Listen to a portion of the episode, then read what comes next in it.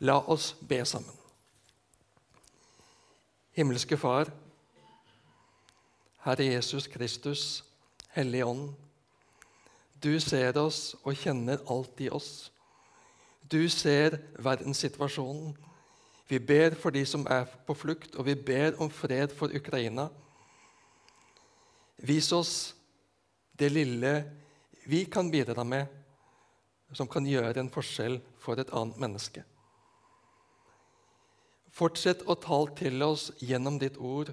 Åpne det for oss, og åpne våre hjerter for ordet ditt, så du får gjøre det du vil med din gode Hellige Ånd i våre liv. Amen.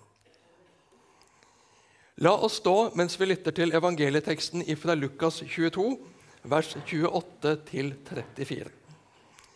Men det er dere som har blitt hos meg i prøvelsene mine, og nå overdrar jeg riket til dere, slik som min far har overdratt det til meg, for at dere skal spise og drikke ved mitt bord i mitt rike, og sitte på troner som dommere over Israels tolv stammer. Simon, Simon, Satan har krevd å få sikte dere som hvete. Men jeg ba for deg at din tro ikke måtte svikte. Og når du en gang vender om, da styrk dine brødre. Peter sa, Herre, men deg er jeg beredt til å gå både i fengsel og i død. Men Jesus svarte, Jeg sier deg, Peter, før hanen galer i natt, skal du tre ganger ha nektet for at du kjenner meg. Slik lyder Herrens ord. Vær så god, sitt.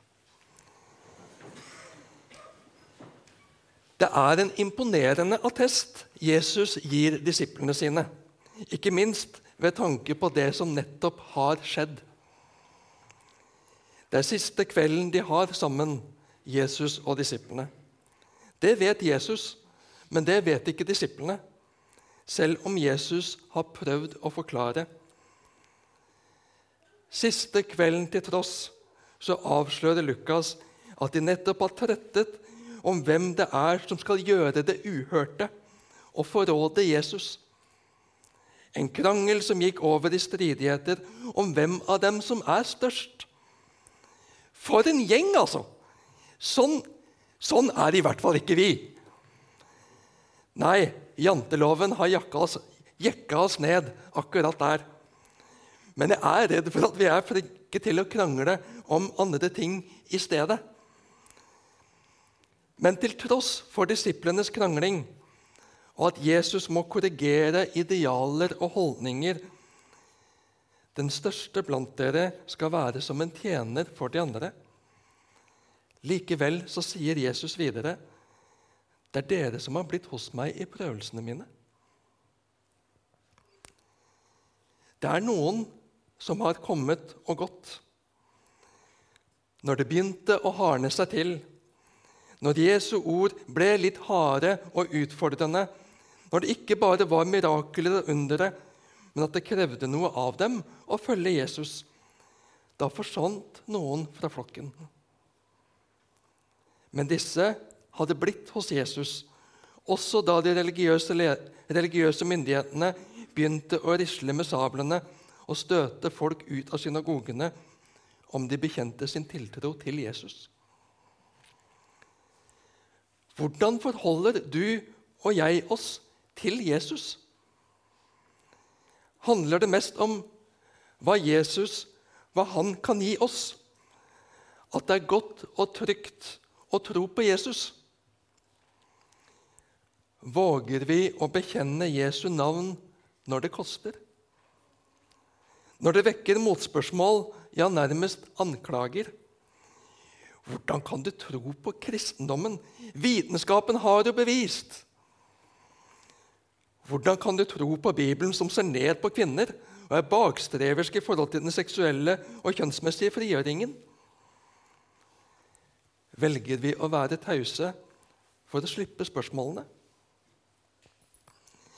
Min erfaring er at taushet binder tar frimodighet og spiser opp tryggheten. Men ærlighet og åpenhet setter fri. Ikke at du trenger å ha svar på alt. Det er kurant å ikke ha svar på alt. Det er lov å si 'jeg vet ikke'. Samtidig kan det gi frimodighet og trygghet å lese seg opp på noe og ha noen svar. Skeptikernes guide ved Bjørn Hinderaker og Lars Dale, som vi har hatt flere sesonger av her i Misjonshuset, og også denne våren, hjelper oss med noen svar. Vi tror ikke uten grunn. Vi har gode grunner til å stole på Bibelen og Bibelens svar. Øyvind Benestad og mor, far, barn har både undervist i Misjonshuset og gjort tilgjengelig gode ressurser for oss, for å utruste oss med noen gode svar i kjønns- og seksualitetsdebatten. Ikke la oss gjemme oss vekk og være tause. La oss bekjenne med løftet hode hvem vi tror på, hvem som er vår Herre og Frelser. Så var ikke Jesu første disipler skolerte, høyt utdannede akademikere. De var håndverkere, fiskere, vanlig mann i gata. Men de stolte på Jesus. De fulgte ham som best de kunne. Paulus kom til etter hvert. Han var mer skolert, og han supplerte apostlene læremessig. Vi trenger ulike kristne, ulike vitner, ulike Jesus-etterfølgere for å utfylle hverandre.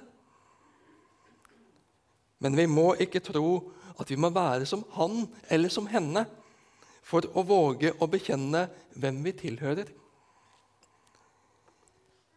Sekularismens postulat om at troen tilhører det private rom, er et kneblende og livsbegrensende postulat som vi ikke skal akseptere.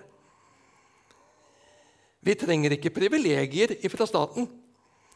Vi ber ikke om forrang foran andre livssyn. Men vi skal få sette ord på vår tro, utøve vår tro i praksis i det offentlige rom og stå for bibelsk lære om kjønn og seksualitet, menneskeverd, rettferdighet og forvaltning. Vi skal ikke miste motet. Vi skal ikke akseptere cancel-kulturen, hvor motstemmer blir tiet i hjel og kneblet. Det er ikke hva som sikrer statsstøtte, som skal være det som uttales, ytres og bekjennes, men hva Guds ord lærer Guds barn. Vi skal få være Jesu disipler, Jesu etterfølgere, Jesu lærlinger i et pluralistisk og sekulært samfunn. Noen skal delta i debatter og diskusjoner, ja, men de fleste av oss vi skal få være levende vitner om Ham som vi tror på, følger og er befriende avhengige av. Sitter vi stille og tier til stormen går over, så går generasjoner tapt, uten mulighet til å høre andre stemmer, uten mulighet til å høre om Jesu vei.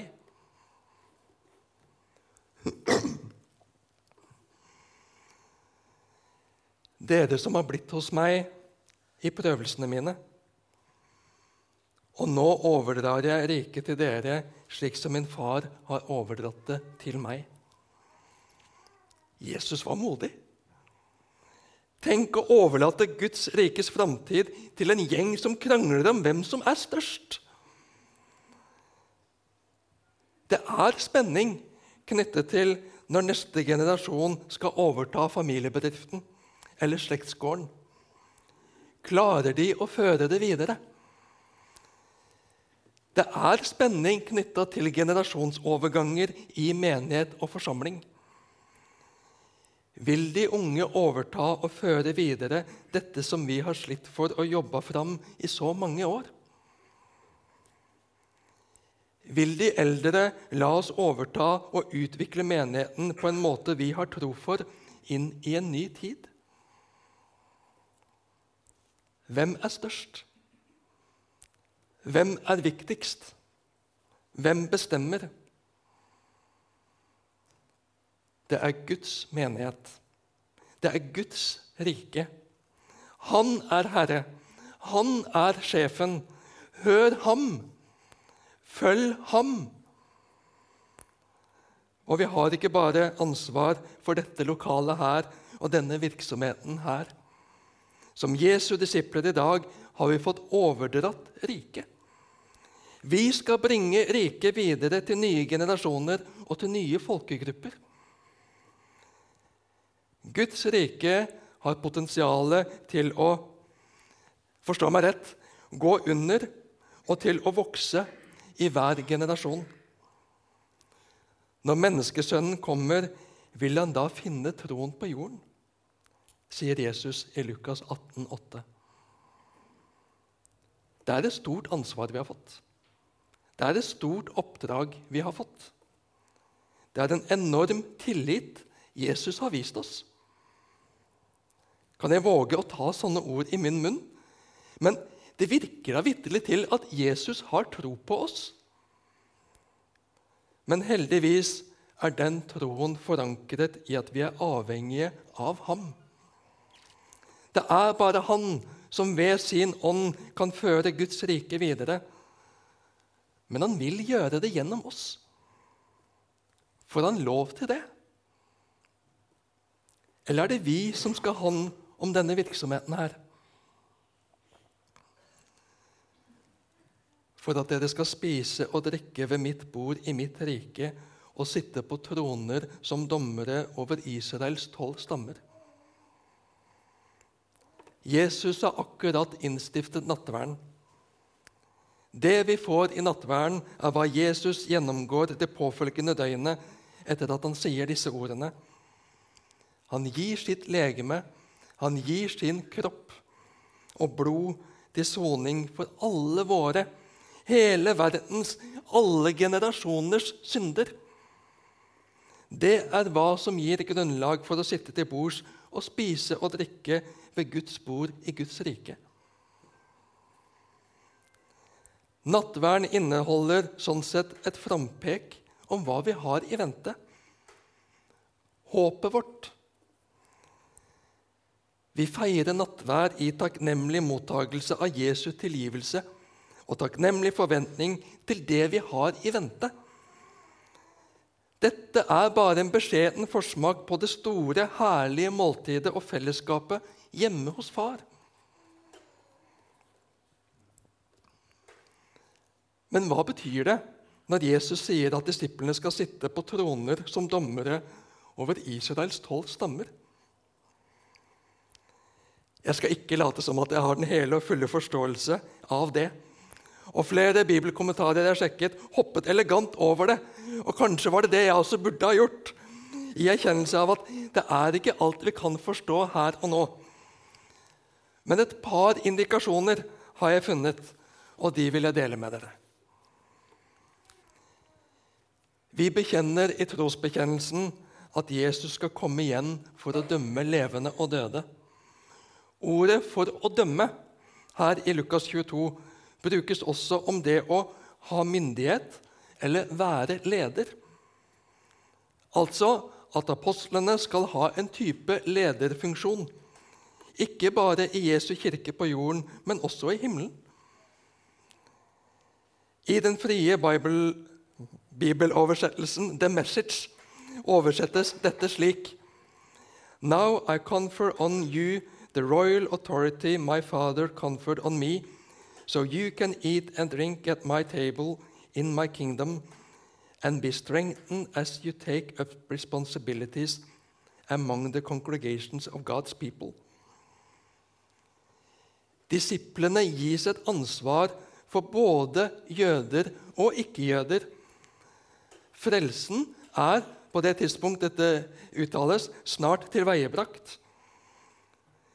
At det skal bli kjent og mottatt og Guds rike befolket, er i hendene på vitnene, disiplene, den kristne kirkes første ledere. Det er i deres makt myndighet og bedømmelse å bringe, disse, bringe dette til folkene, så de kan bli frelst. Så vi sammen kan sitte ved Herrens evige bord. Intet mindre. Så vil jeg også ha med perspektivet som kommer fram i Åpenbaringen 3.21. Der står det Den som seirer, vil jeg la sitte sammen med meg på min trone, slik jeg selv har seiret og satt meg med min far på hans trone. Hold ut, venner. Hold motet oppe, barn. Dere skal gå tøffe tider i møte, men ikke gi opp. Ikke gi etter for den, onde, den ondes prøvelser, fristelser og bedrag. Den som seirer, skal være der jeg er. Sitte med meg. Og det er ikke småtteri, for jeg skal sitte med min far på hans trone. Vår himmelske Far, Guds trone. Og jeg ser for meg Leonardo på seks og et halvt år. Som takk for julehilsenen til kong Harald så ble han invitert til Slottet for personlig audiens hos kongen. Vesle Leonardo fikk egen invitasjon til selveste kongen. Du og jeg, som kan føle oss ganske så små og puslete, og til tider kjenne oss både skamfulle og feige, vi får høre 'hold ut'. Ikke mist motet. Bli i troen. Hold deg til meg. Den som seirer, vil jeg la sitte sammen med meg på min trone, slik jeg selv har seiret og satt meg med min, med min far på hans trone. Det er ikke småtteri. Og det er ikke fordi Jesus har for store og glorifiserte tanker om disiplene sine. Han vet at det ikke er noen engler akkurat. De trettet om hvem av dem som kunne finne på å forråde mesteren deres. De kranglet om hvem av dem som var størst og viktigst. Og Jesus er ærlig med Simon Peter. Simon, Simon, Satan har krevd å få sikte dere som hvete. Akkurat som Jobb ble prøvd. Satan hevdet at Jobb var gudfryktig bare fordi det lønnet seg, bare av alle velsignelsene. Gud tillot Satan å teste jobb. Er Peter bare en etterfølger av Jesus pga. den status det har gitt Peter å være i følge med denne mirakelmannen, som han hevder at er Messias? Jesus tillater at Peter prøves. Urene motiver brenner opp. Urene motiver fordufter. Peters sine urealistiske stormannstanker kan ikke bære ham og vil bli plukket av ham. Ja, hans tilsynelatende fromhet skal fordufte som dogg for solen. Men jeg ba for deg at din tro ikke måtte svikte. Og når du en gang vender om, da styrk dine brødre. Så er Peters stormannstanker og egenbygde fromhet fortsatt intakt når Jesus sier dette. Jesu realistiske og omsorgsfulle ord når ikke inn. Ikke ennå. Men må han endelig klare å ta dem til seg når han er ribbet for all sin egen pomp og prakt, når hans egen kjepphøyhet har falt sammen som et korthus. Det var ikke noen prakteksemplarer Jesus, Jesus utvalgte seg til etterfølgere og kirkeledere den gang. Og det er ikke prakteksemplarer Jesus jakter i dag heller, men vanlige mennesker som kan være så ærlige at de ser at de trenger tilgivelse og frelse, og som ikke er større i seg selv enn at de ser at de er helt avhengige av Jesus og Hans nåde. Dem utvalgte Jesus. Dem kalte Jesus til å være Guds barn, til å være kongebarn, som skal få sitte med ham ved Faderens høyre hånd, slik Johannes uttrykker det i Åpenbaringen 3. Og til å være etterfølgere, ledere, vitner som har det store og ærefulle livsforvandlende og håpsgivende oppdrag å formidle budskapet om frelse i Jesus Kristus til absolutt alle og alle slags mennesker. Der får vi være. Det får vi være med på. Ære være Faderen og Sønnen og Den hellige ånd, som var og er og blir en sann Gud, fra evighet og til evighet. Amen.